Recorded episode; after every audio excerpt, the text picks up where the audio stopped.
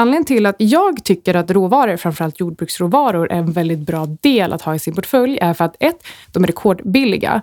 Två, vi står faktiskt inför klimatförändringar. Vad kommer hända med, eh, med jordbruksråvaror då? Kommer vi se en brist på dem? Och eh, då kommer alltså priserna öka i så fall. Eh, så att jag, för min del så tycker jag att det finns så pass stor uppsida och liten nedsida. Så för mig är det verkligen en självklarhet att ha som en del i portföljen.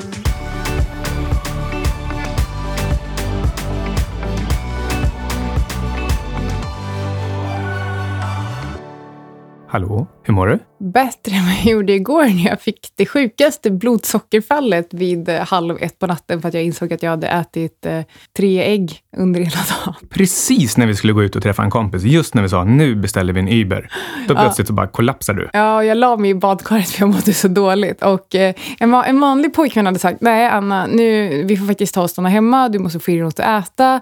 Eh, och så får du, liksom så här, du får börja bli duktigare på att ta hand om dig själv.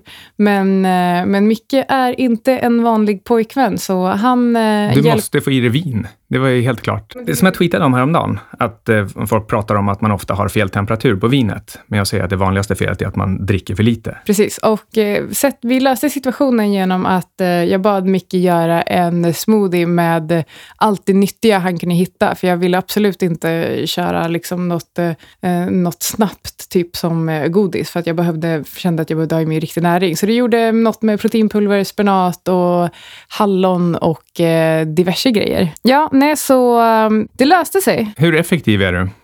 Var det där din uh, biological prime time? Eh, ja, jag har kommit till en, en liten insikt här det senaste. Jag har insett att jag försöker liksom läsa mycket facklitterärt innan jag ska sova. Men uh, jag kommer liksom inte igenom en halv sida för att hjärnan är liksom så trög efter en hel dag. Och jag har insett att Eh, jag, jag, vet ju att jag jobbar allra bäst på morgonen, så därför går jag upp så att jag sätter mig och skriver från sex på morgonen. Och eh, ju tidigare på morgonen och ju tidigare in i min arbetsprocess under dagen, desto mer eh, eh, mer hård data kan jag ta till mig, alltså siffror och liksom hård och ren fakta. Och ju längre dagen går, desto mindre mottaglig blir jag för, för det och kan bara ta till mig lite mjukare fakta. Så att nu läser jag bara skönlitterärt på kvällarna istället. Men jag har löst det här för att jag vill ändå optimera min inlärningsprocess. Att jag beställt massa skönlitterära böcker som baseras på verkliga händelser inom finans. Vi ska alldeles strax eh, komma med någon typ av agenda för idag en, en riktigt ordentlig röd tråd för vad vi ska prata om. Men eh, först så ska vi avsluta det här mysiga inledningssnacket. Jag har försökt avinstallera Instagram. Jag lyckades avinstallera det, men sen tvingade du mig att installera det igen för jag skulle kolla någonting. Och nu går det inte att ta bort. När jag trycker på ikonen och så dyker det upp eh, möjligheter att dra den till avinstallera. När man drar den dit, då flyttar det på sig. Det här kanske är något annat Facebook behöver se över. Storebror är överallt. Så nu är jag, nu är jag fast i eh, sociala medier-träsket igen. Och det är mitt fel. Men för att eh, faktiskt prata om det vi ska prata om. Vi har fått väldigt mycket frågor om att eh, de tycker att podden är bra, eh, vilket vi tycker är jätteroligt. Vi får hur mycket härlig eh, kritik, höll jag på att säga, men som helst. Där, eh, men det de saknar är eh, case. Och ni vill veta vad investerar vi i och varför och dra rena case. Och först sa jag så här, ja, men vi vill leverera verktyg för att ni ska kunna göra egna analyser. Och sen är det också så här att vi är ju faktiskt inte så positivt inställda till aktiemarknaden just nu. Och därför så vill inte vi sitta och prata om enskilda aktiecase, utan snarare lära er hur man faktiskt kan analysera på bästa sätt. Men någonting som vi är väldigt positivt inställda till just nu är råvaror. Och det är ju framförallt Raw jag... goods. raw goods. Och det är framförallt jag ute och pratar väldigt mycket om.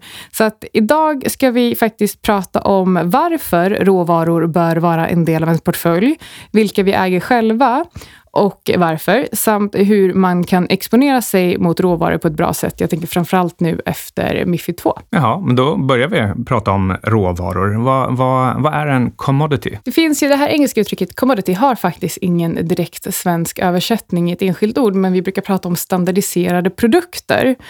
Och Eh, om vi köper till exempel veteterminer så tar vi inte risken att exponeras mot endast en bondes vete, utan vi köper den standardiserade produkten eh, vete och dess värde.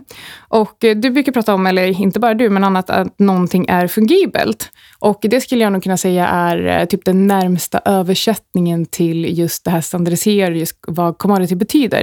Vill du bara förklara vad fungibel är? Fungibel brukar man använda när man pratar om en valutas egenskaper.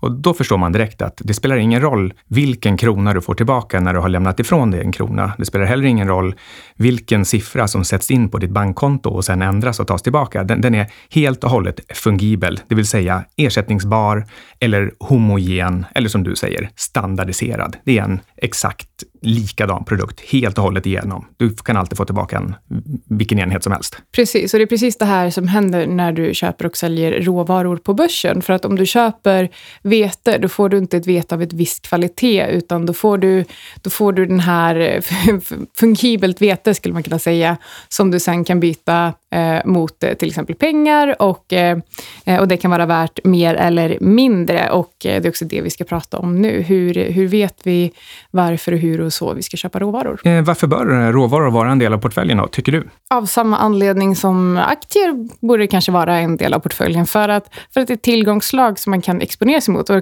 och eh, man ska inte bara ha råvaror i portföljen, precis som man inte bara ska ha aktier i portföljen, precis som man inte bara kanske ska ha räntor i portföljen, eller det kanske man visst kan ha, med tanke på att det är ganska mycket lägre risk. Men eh, från, från en diversifieringssynpunkt och eh, för hedge.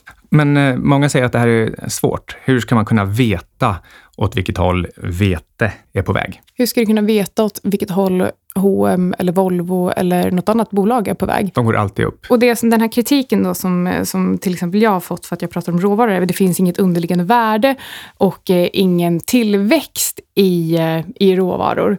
Och då tycker jag att man faktiskt direkt säger emot sig själv. För att om man säger att det finns ingen värdetillväxt och därför kan du inte ta, till exempel ta del av framtida vinster. Men, okej, men då vet vi till exempel ungefär vad priset historiskt har legat på. Och nu är råvarupriserna rekordbilliga. Eh, så om man nu tänker rent logiskt, var finns det liksom upp och nedsida om man jämför råvaror med aktier? Så här också. Du har ju bönder de har anledning att säkra upp vad de får för intäkter. Då kan de hellre ta ett lite lägre pris som de är säkra på att få, än att vänta till skörden faktiskt är klar. Så då säljer de sitt, eh, sina grödor på termin. På den andra sidan, då kan det finnas lite alla möjliga. Det kan finnas en investerare eller spekulant som du eller jag, som tror att ja, men det är billigt nu för att det är nu alla bönder säljer sin skörd. Och så kanske det strukturellt sett kostar mer sen. Eller så tror vi någonting om klimatet eller någonting om världsekonomin eller relationer till andra råvaror. Så det finns anledning för oss att vara den som underlättar för bönderna. Precis, och jag skrev ett, eh, ett blogginlägg för bara ett par veckor sedan, när det här avsnittet släpps, som heter eh, Hur länge kommer råvaror att vara så här billiga? Och eh, då tittar jag bland annat på eh, Incrementums Ingold We Trust-rapport. Och eh, sen så pratar jag om eh, romarrikets förfall. Och det här är jätte, jätteintressant, för att om man tittar på, på romarriket, så när det växte upp så hade de också väldigt bra klimat för just eh, grödor och eh, liksom mat, matråvaror, jordbruksråvaror. Och en av de grejerna som faktiskt hände precis på toppen, det var att vi kom in i en mini-ice age som också förstörde eh, grödorna. Vilket också gjorde att, vi, eh, att romarriket eh, faktiskt delvis svalt ihjäl. Och det här är också något som vi måste ta hänsyn till. Så att nu, eh, anledningen till att jag tycker att råvaror, framförallt jordbruksråvaror, är en väldigt bra del att ha i sin portfölj är för att ett, de är rekordbilliga. Två, vi står faktiskt inför klimatförändringar. Vad kommer hända med, eh, med jordbruksråvaror då? Kommer vi se en brist på dem? Och eh, då kommer alltså priserna öka i så fall. Eh, så att jag, för min del så tycker jag att det finns så pass stor uppsida och liten nedsida. Så för mig är det verkligen en självklarhet att ha som en del i portföljen. Det ser verkligen ut som att det är ett läge för en generation med så mycket som råvarupriserna har gått ner och det har de gjort bland annat på grund av en, en fantastisk eh, automation i, inom eh, produktionen. Ehm, men samtidigt som du säger, vi har klimatförändringar på gång. Vi har befolkningstillväxt på jorden. Vi försöker tillverka energi av grödor. Så eh, mängden odlingsbar mark per person, den blir bara mindre och mindre. Så de här jordbruksråvarorna både det att de står så himla lågt och de här andra faktorerna, det, det antyder att det borde kunna snarare gå uppåt än neråt i alla fall. Där så är det faktiskt något jätteintressant där med att vi försöker göra energi av men till exempel majs. Och eh, jag tittar, det här avsnittet handlar ju framförallt om ädelmetaller och jordbruksråvaror. För att jag tittar själv inte på energi. Jag skulle framförallt inte tänka mig att eh, investera i olja. Jag jobbar ju med, mycket med hållbara produkter på finansiella marknader och överlag. Så att jag tycker faktiskt inte att det känns som att det finns himla mycket uppsida olja. Eller rättare sagt, jag vill inte lägga mitt kapital där för att jag fick, tycker att det finns så mycket andra bra ställen där jag kan placera det istället. Så om, om ni är intresserade av, ehm, av energiråvaror så är det här inte avsnittet för er. Men vilka råvaror har vi i eh, våra portföljer då? Det svarar vi på alldeles strax. Men, men först så ska vi svara på en grej som, ehm, eh, som jag inledde med. Det här med, du har bönder, de hedgar. Däremellan så har vi oss, spekulanter. Och sen på nästa sida, då kan du ha till exempel en matproducent. Och det här brukar Ray Dalio berätta om när McDonalds tänkte, ja men det vore lite coolt att göra chicken nuggets, Men vi vågar inte införa det på menyn, för kycklingpriserna är så volatila. Och då sa Ray Dalio till McDonalds, men, eh, men köp eh, majsterminer, eller vad det nu var man skulle mata kycklingarna med. För det var, det var liksom maten till kycklingarna som var volatil. Och om de kunde hedga bort den risken, då spelade det sen ingen roll hur dyra kycklingarna blev, för då hade de redan säkrat upp sig via kycklingarnas mat. Och därför finns det Chicken McNuggets. Så alltså bör råvaror också vara en del av ens portfölj på grund av att man kan använda det som en hedge mot ja, marknaden? Ja, och man kan tänka sådana här saker eh, och försöka ställa sig mitt emellan de här. Ja, vad har vi i portföljerna? Vad har du för någonting? Eh, jag har eh, Softs guld, är supersugen på silver. Jag tror att vi ser en, eh, kan se en ganska stor uppsida där. Och, ehm, jag lyssnade på Adventure in Finance, en av de bästa finanspoddarna tillsammans med Macrovoices, tycker jag. Och där har de ett guldavsnitt som jag tycker att alla borde lyssna på. Det var jätte, jättebra. Och de tar in lite olika gäster som får ge sin syn på, på guldcaset. Och då var det en person som, jag kommer inte ihåg vem av dem det var nu, men som han, han sa så här, att de som traditionellt köper silver kanske har köpt bitcoin istället.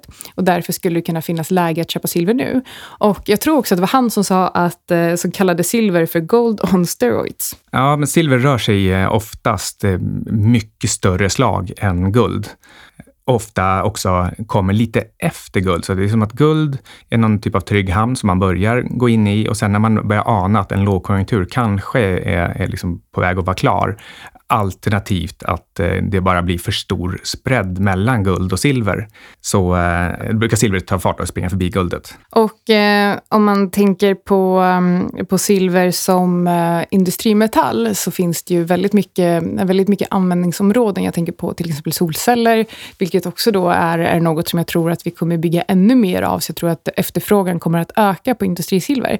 Så om man tittar ett riktigt long case så tror jag absolut att det kan vara intressant att titta på också. Ja, silver är väldigt speciellt, det ska man komma ihåg. Det, det anses både vara en ädelmetall och, och, potentiellt sett pengar. Men som du säger så används det som eh, eh industrimetall i massor med produkter och, och när, in, när silvret används, då försvinner det också. Så det är inte som guld, som, där allt guld som grävs upp också finns kvar och, och lagras någonstans. Um, och just nu är jag extremt intresserad av att lära mig mer om sambandet mellan inflation, räntehöjning och jordbruksråvaror. Det finns extremt mycket studier som eh, behandlar det här ämnet, fast med fokus på eh, just olja och eh, till viss del guld. Men eh, jag vill ju främst titta på softstore, som att det är eh, det område som jag tycker är roligast. Och jag har hittat en artikel som så här, typ skrapar lite på ytan via Bloomberg. Och eh, här har man då kunnat kartlägga att jordbruksråvaror faktiskt tenderar att stiga mer under inflation än till exempel guldpriset. Men innan jag ens har en åsikt om det här så känner jag att jag behöver läsa och eh, undersöka lite mer. Så att om det är någon som sitter på superbra artiklar, och nu menar inte jag så här, det var någon som sa till mig, kolla på Jordbruksverkets hemsida. Och nej, jag, jag, jag pratar om eh, alltså globala studier, inte de som är gjorda i eh, Sverige. Nu är det ju alltså väldigt bra att kunna diversifiera sin portfölj med den här okorrelerade tillgången, bland annat då, jordbruksråvaror. Men också som du är lite inne på, det är att så fort man äger någonting, då får man en motivation att lära sig mer om det också. Och eh, när man, när man då börjar läsa på om råvaror och hittar samspelet mellan till exempel inflation och eh, ekonomi och kanske även klimat och sen också någon lead-läge-relation till till exempel aktier eller ekonomin, då har man verkligen fått eh, ett extra verktyg för att analysera aktier. Ja, men verkligen. Och det som jag brukar säga när jag säger att det är jättebra att titta på råvaror och folk säger att det är så himla svårt att säga okej, okay, men du har Cloetta i portföljen eller du har ICA eller du har Axfood. De, de, de är ju beroende av de här råvarupriserna, så du kan inte påstå att du analyserar de här bolagen om du inte ens tittar på råvaror. Så ehm, Eh, så nej, det är faktiskt inte svårt. Det är en inställningsfråga. Så eh, se på det med nya ögon och tänk på, tänk på att du ska analysera råvaror som du analyserar aktier. Det här pratade vi faktiskt om i ett annat avsnitt. Att att analysera råvaror är, eh, gör du på precis samma sätt som du analyserar aktier, fast med andra parametrar. Så lär dig, för vi pratade ju om det här, eh, hitta olika parametrar beroende på vad du ska analysera och eh, gör det med råvaror också. Ja, egentligen så kanske vi skulle sagt någonting om, om vad jag har i portföljen och, hur och varför också. Men vi, börjar, vi kör. Okej, okay, jag, jag, äger kan vi säga, en, en privat guldgruva i Colombia via ett kanadensiskt bolag. Och sen äger jag faktiskt också lite grann i ett noterat guldbolag, en, en juniortillverkare i, eh, i Kanada som, som är noterad och som är ett riktigt turnaround-case. Det är kanske bäst att inte nämna det vid namn här. Eh, och eh, i den portfölj som jag förvaltar åt dig så ehm, gör jag det enligt min tillgångsallokeringsmodell. Så att i den ligger faktiskt eh, även softs och faktiskt vissa guld-ETFer. Men om inte du har så mycket mer att säga om det så tycker jag att det leder in på, för du förklarade hur du har exponerat dig mot guld.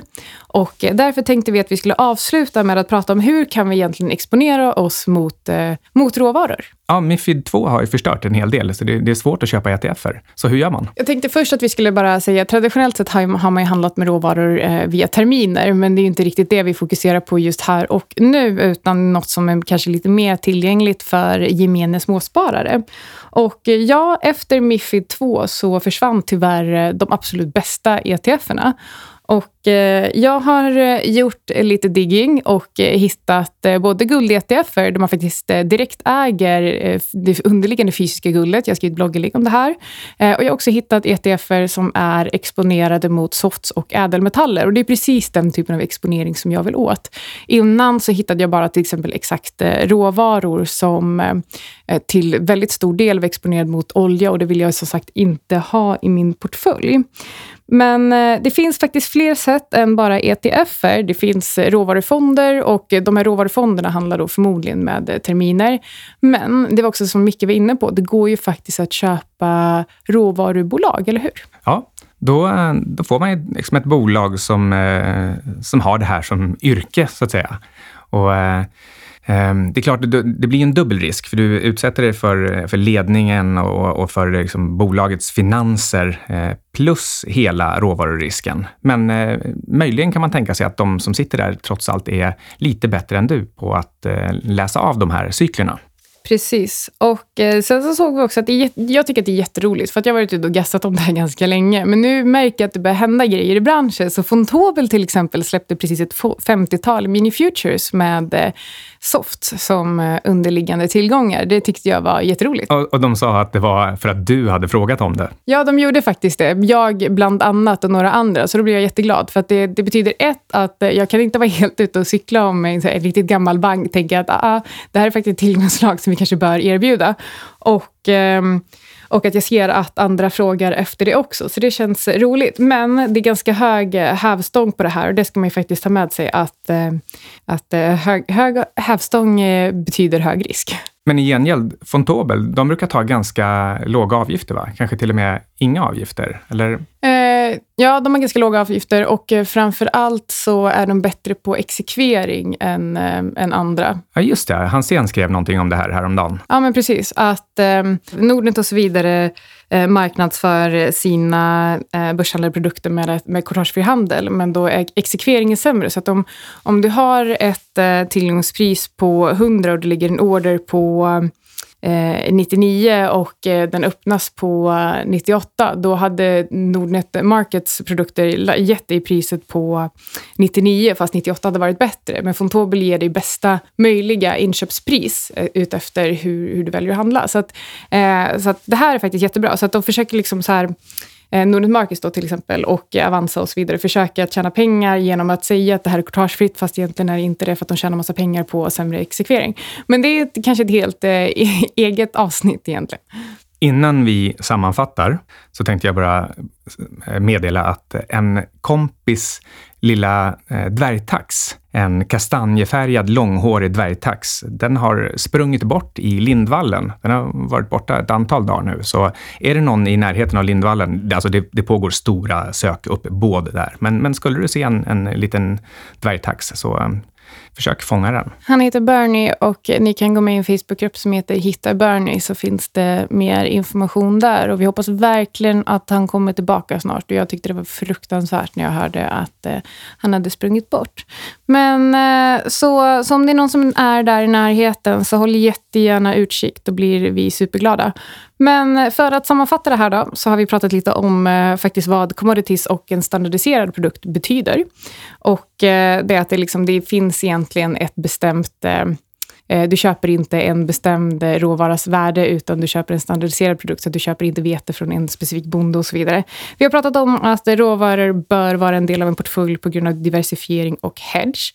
Och att eh, det faktiskt nu, att vi ser att råvaror är rekordbilliga.